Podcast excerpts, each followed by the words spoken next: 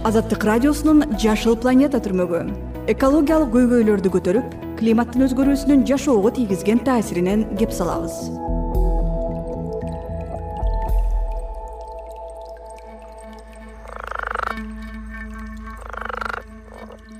Баканы сөөк ооруларга колдонулган бул баканы жараларга тарткан тирүү болуп кайнатып дагы анан кургатып э, порошок түрүндө да талкан кылып да колдонгон да экотех инспекцияларга дагы сүйлөшүп атабыз аларга да айтып атабыз. Башында болсо мен экотех инспекцияга барып айтсам кызыл колтук бакасы кызыл китепке киргенин билесиңер десем билебиз дейт ушуга кармаган боюнча кандай штрафтанары бар десек аны билишпейт экен да. Бул кызыл колтук бака олуттуу басымдын астында турат. Себеби анын жоголуп баратышы бир эле адамдардын таасиринен улам эмес. Климаттын өзгөрүүсүнө да байланыштуу мындан беш он жыл мурда кыргызстандын саздары менен сууларынан кызыл колтук баканы көпчүлүгүбүз көрсөк керек. Азыр бул баканы күндүз чырак менен да издеп таппайсыз. Адистер кызыл китепке кирген кызыл колтук баканын жоголуп кеткенин биринчиден климаттын өзгөрүшүнөн экинчиден адамдардан көрүшөт. Эсенсизби сиз азаттыктын жашыл планета түрмөгүн уга баштадыңыз. Бүгүн жоголуу коркунучуна кептелген кызыл колтук баканы изилдеп көрөбүз. Микрофондо сабыр абдымомунов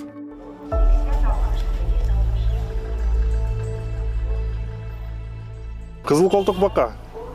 Кыргызстанда бул жаныбар жоголуу коркунучунун алдында турат. Бишкектин чок ортосунда жайгашкан ош базарга келсеңиз бул кызыл колтук бака кургатылып тутамдап сатылып жатканын көрөсүз. Эки жүз элүүдөн эки жүз элүү пучогу. бир штук бир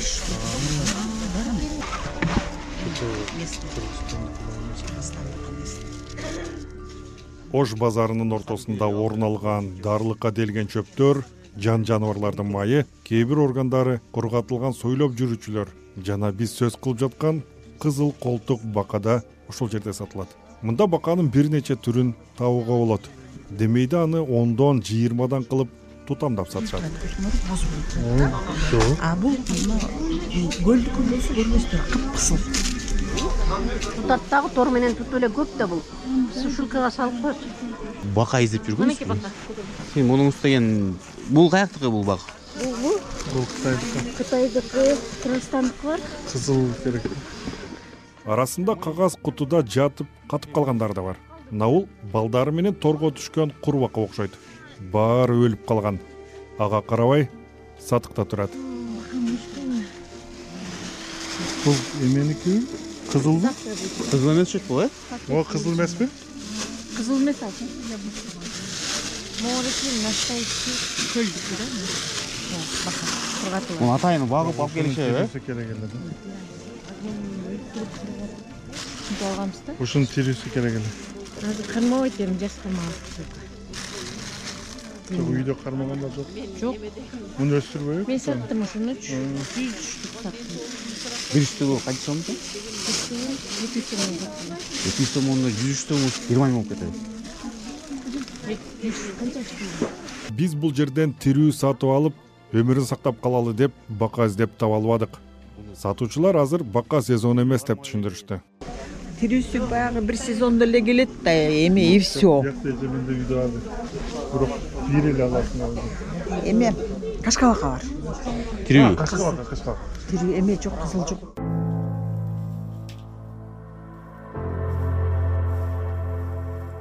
негизи элибизде кыргыз элинде э, бака жылан кескелдирик каш кулактын майы суурдун майы Э, аюунун майы деп колдонулган илгери эле бул манас эпосунда дагы жазылган да жанар алкожоева аманат өмүр коомдук фондунун жетекчиси. Э, негизи баканы жылаанды сөөк ооруларга колдонулган.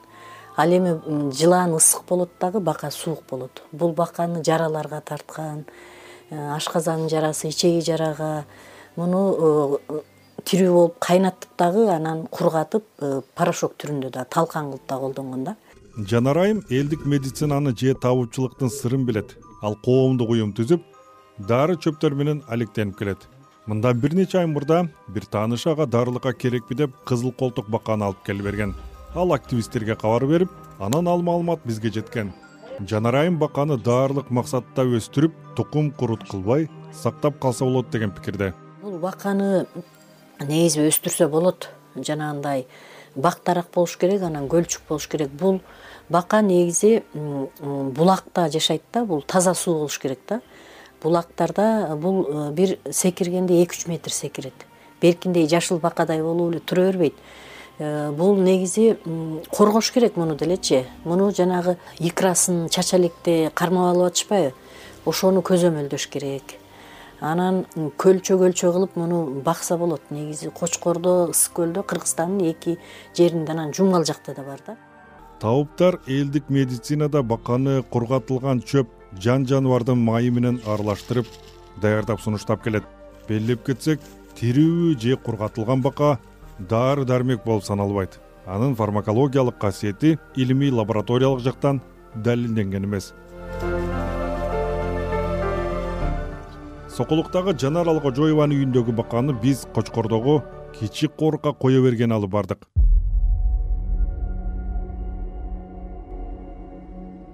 Буга чейин э, сиздерге көрсөткөн э, кызыл колтук бака мына биз өзүнүн мекенине же болбосо ошол э, өзүнүн жашаган жерине алып келдик. Биз азыр кочкор району кайсыл жерде аталат бул жер?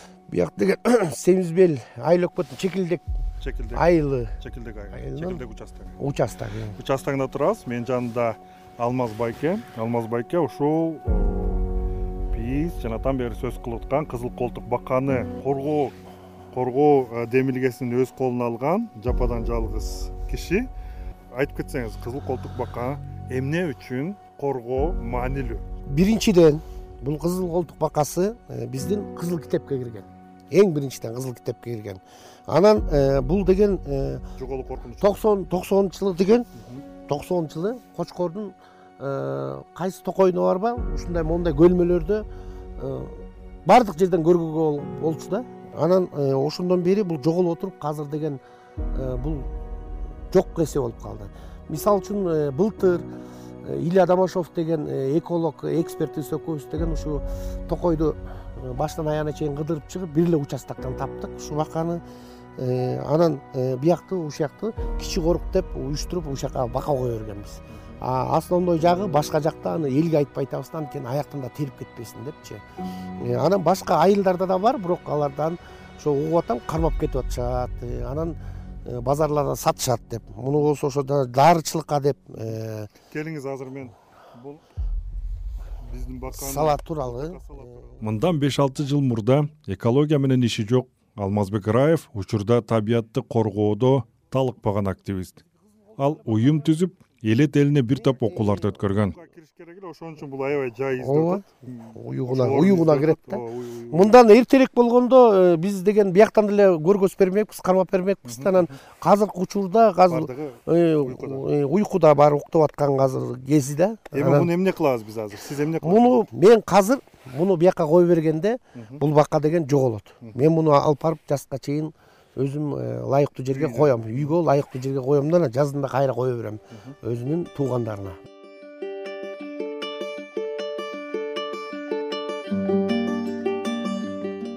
Кызыл колтук баканын мекени саналган кочкор районунда эмне үчүн бул уникалдуу амфибиянын жок болуп кеткенин алмазбек мырза изилдеп да көргөн экен. Токсон алты токсон жетинчи жылдары кочкордо пуш э, ишканасы иштеген аякта кытайлар келген.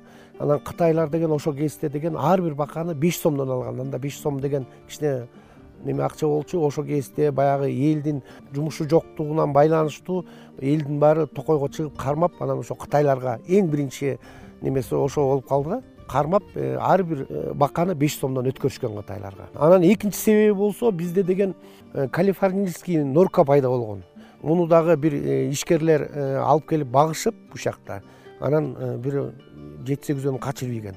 Анан качырып ийип деген ушул жактан ал калифорнийский норка көбөйүп кеткен. Ал норка болсо ушу баканы да жейт экен балыкты да жейт экен куш муштун баарын жешет экен да. Бүт каякта жүрсө ошол дагы фактор болду анан үчүнчү фактор болсо баягы климаттын өзгөрүшү. Биздин климат өзгөрүп атат. Жайык саздарда өскөн бадал токойлордун аянты кочкор районунда жылдан жылга азайып келет мындан улам алмаз раев жергиликтүү жамаат менен бирге глобалдык экологиялык эл аралык фонддун көмөгү менен жасалма токойлорду кеңейтүүгө киришкен. Айыл четине миңге жакын карагат кожогат жана тикенеги жок чечирканак көчөттөрүн отургузуп коорушкан мындан сырткары өспүрүмдөргө агартуу иштерин жүргүзөт. Жыйырманчы жылы болсо бир э, долбоорум болсо э, бадал токойлор сактап калуу анын ичинде кызыл колтук деген э, долбоор болчу анда болсо мектептерде ачык сабактарды өткөнбүз. Именно кызыл колтукту сактап калуу боюнча. Анан ошо ачык сабакка даярданганда бир окуучу үйүнөн кургатылган баканы көтөрө келип дарычылыкка деп үйүндөгүлөр алган экен сатып алган экен. Кочкордун базарынан эле алыптыр. Тиги ачык сабакка нетебиз деп анан бала да үйдөн көрүп калып анан баягы баканы көтөрө келиптир да. Экотех инспекцияларга дагы сүйлөшүп атабыз аларга да айтып атабыз. Башында болсо мен экотех инспекцияга барып айтсам кызыл колтук бакасы кызыл китепке киргенин билесиңер десем билебиз дейт. Ушуга кармаган боюнча кандай штрафтанары бар десек аны билишпейт экен да. Билбейбиз дешти да. Анан э, бияктан дагы биздин бийлик дагы ушуга кызыктар болуп иш чараны көбүрөөк алып барса деген оюм бар кызыл китепке кирген сейрек кездешкен жан жаныбарларды коргоого көзөмөл кылган жаратылыш ресурстары экология жана техникалык көзөмөл министрлигине караштуу биоресурстарды контролдоо башкармалыгынын инспектору азамат бокешев соода жайларды текшерүү жана элге түшүндүрүү иштери үзгүлтүксүз жүргөнү менен жашыруун соода тыйылбай жатканын моюнга алат э, бул баканы кармоого сатууга э, биздин кыргыз республикасында тыюу салынган. Ачыкка чыгарбастан сатып келишет. Э, рейдтик иш чаралар элге түшүндүрүү иштери э, буга чейин жүргүзүлүп келет. Дагы да жүргүзүлүп жүргүзүлүп жатат. Ошо биз тараптан биоресурстарды контролдоо тарабынан. Былтыркы жылы ушу катталды эле ош базар базарында сатылып жатканда ошо былтыркы мурдагы жылдары э, биздин кызматкерлер барып жеринде көрүшүп мыйзам чегинде чара колдонушкан жана эскертүүлөр берилип келген буга чейин. Бул баканы азыр мыйзамсыз кармап ушундай сатып же сатып алып же сатуу боюнча атайын кыргыз республикасынын укук бузуу кодексинде алтымыш эки жүз алтымыш биринчи беренеде мыйзамсыз аңчылык кылуу же жаныбарлар дүйнөсүнүн объектилерин кармоо боюнча он миң сомдон жыйырма миң сомго чейин айып пул каралган. Административдик айып. Э, андан тышкары кыргыз республикасынын эки жүз жыйырма төртүнчү токтому менен бекитилген атайын такса бар жаныбарлардын. Э, бул кызыл колтук бакага именно он миң сом доо коюлат да мамлекетке кетирилген чыгым үчүн. Эгерде өлтүрүлүп сатыла турган болсо. Кызыл колтук бака башкача айтканда борбор азия бакасы. Кыргызстандын кызыл китебине киргизилген. Башка бакаларга салыштырмалуу демеси кичирээк келип чоңдору сегиз сантиметрге жетет. Эки миң он тогузунчу жылдын алтынчы сентябрында кыргызстандын маалымат технологиялар жана байланыш мамлекеттик комитети кыргызстандын кызыл китеби рептилиялар жана амфибиялар деген теманын астында почта маркаларын чыгарган анда кызыл колтук бакага да өзүнчө марка арналган. Кыргызстанда кызыл колтук баканын жоголуп бараткан себептерин изилдөө жүргөн эмес. Жеке активисттердин экологтордун байкоосун эске албаганда расмий мекемелер менен атайын адистердин ага чама чаркы жете элек этот вид находится под серьезным прессингом. Илья домашов эколог. Бул кызыл колтук бака олуттуу басымдын астында турат. Себеби анын жоголуп баратышы бир эле адамдардын таасиринен улам эмес. Климаттын өзгөрүүсүнө да байланыштуу. Ошондой эле ал жашаган аймактардагы башка жаныбарлардын түрүнүн өсүшүн да эсепке алуу керек. Өткөн ыкымдын жыйырма отузунчу жылдары баканын бул түрүн кыргызстандын жарымынан анын ичинде бишкек шаарынан да кездештирүүгө болот эле тилекке каршы учурда саны өтө азайып кеткен. Бул маселенин маанилүүлүгү ар бир жаныбар түпкүлүгүнөн жашаган жериндеги экосистемасына тыгыз жуурулушкан. Эгер бул системада бир түрдүн азайып кетиши демек айлана чөйрөнүн климаттын өзгөрүүсүнөн кабар берет. Айтсак кызыл колтук бака ысык көлдүн нарындын деңиз деңгээлинен кыйла бийик аймактарында жашап келген болсо климаттын ысышы менен ал алкактарга көл бакалардын агылуусу арткан. Алар кызыл колтук баканын жемин тартып алып сүрүп чыгарып жатышат. Ошондой эле амфибиялар арасында вирустардын пайда болушу да бакалардын азайып кетүүсүнүн бир себеби болууда. Распространение идет э, всевозможных вирусных заболеваний среди э, амфибий. Тукум курут болуп бараткан кызыл колтук бакалар ысык көл облусунун тескейинде. Нарын облусунун кочкор жана жумгал райондарындагы таза сууларда дарыялардын жайаккан жээктеринде көп кездешет.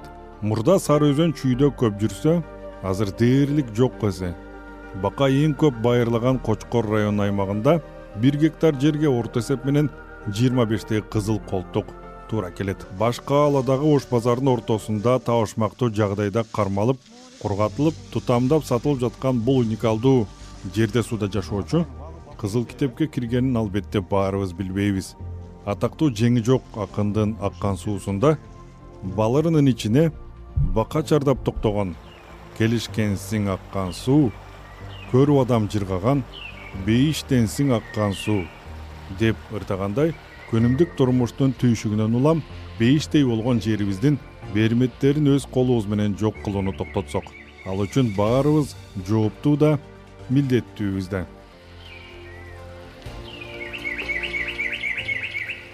угарман сиз азаттыктын жашыл планета түрмөгүн уктуңуз. Бул чыгарылышты мен сабыр абдымомунов даярдадым. Эсен туруңуз. Азаттык радиосунун жашыл планета түрмөгү экологиялык көйгөйлөрдү көтөрүп климаттын өзгөрүүсүнүн жашоого тийгизген таасиринен кеп салабыз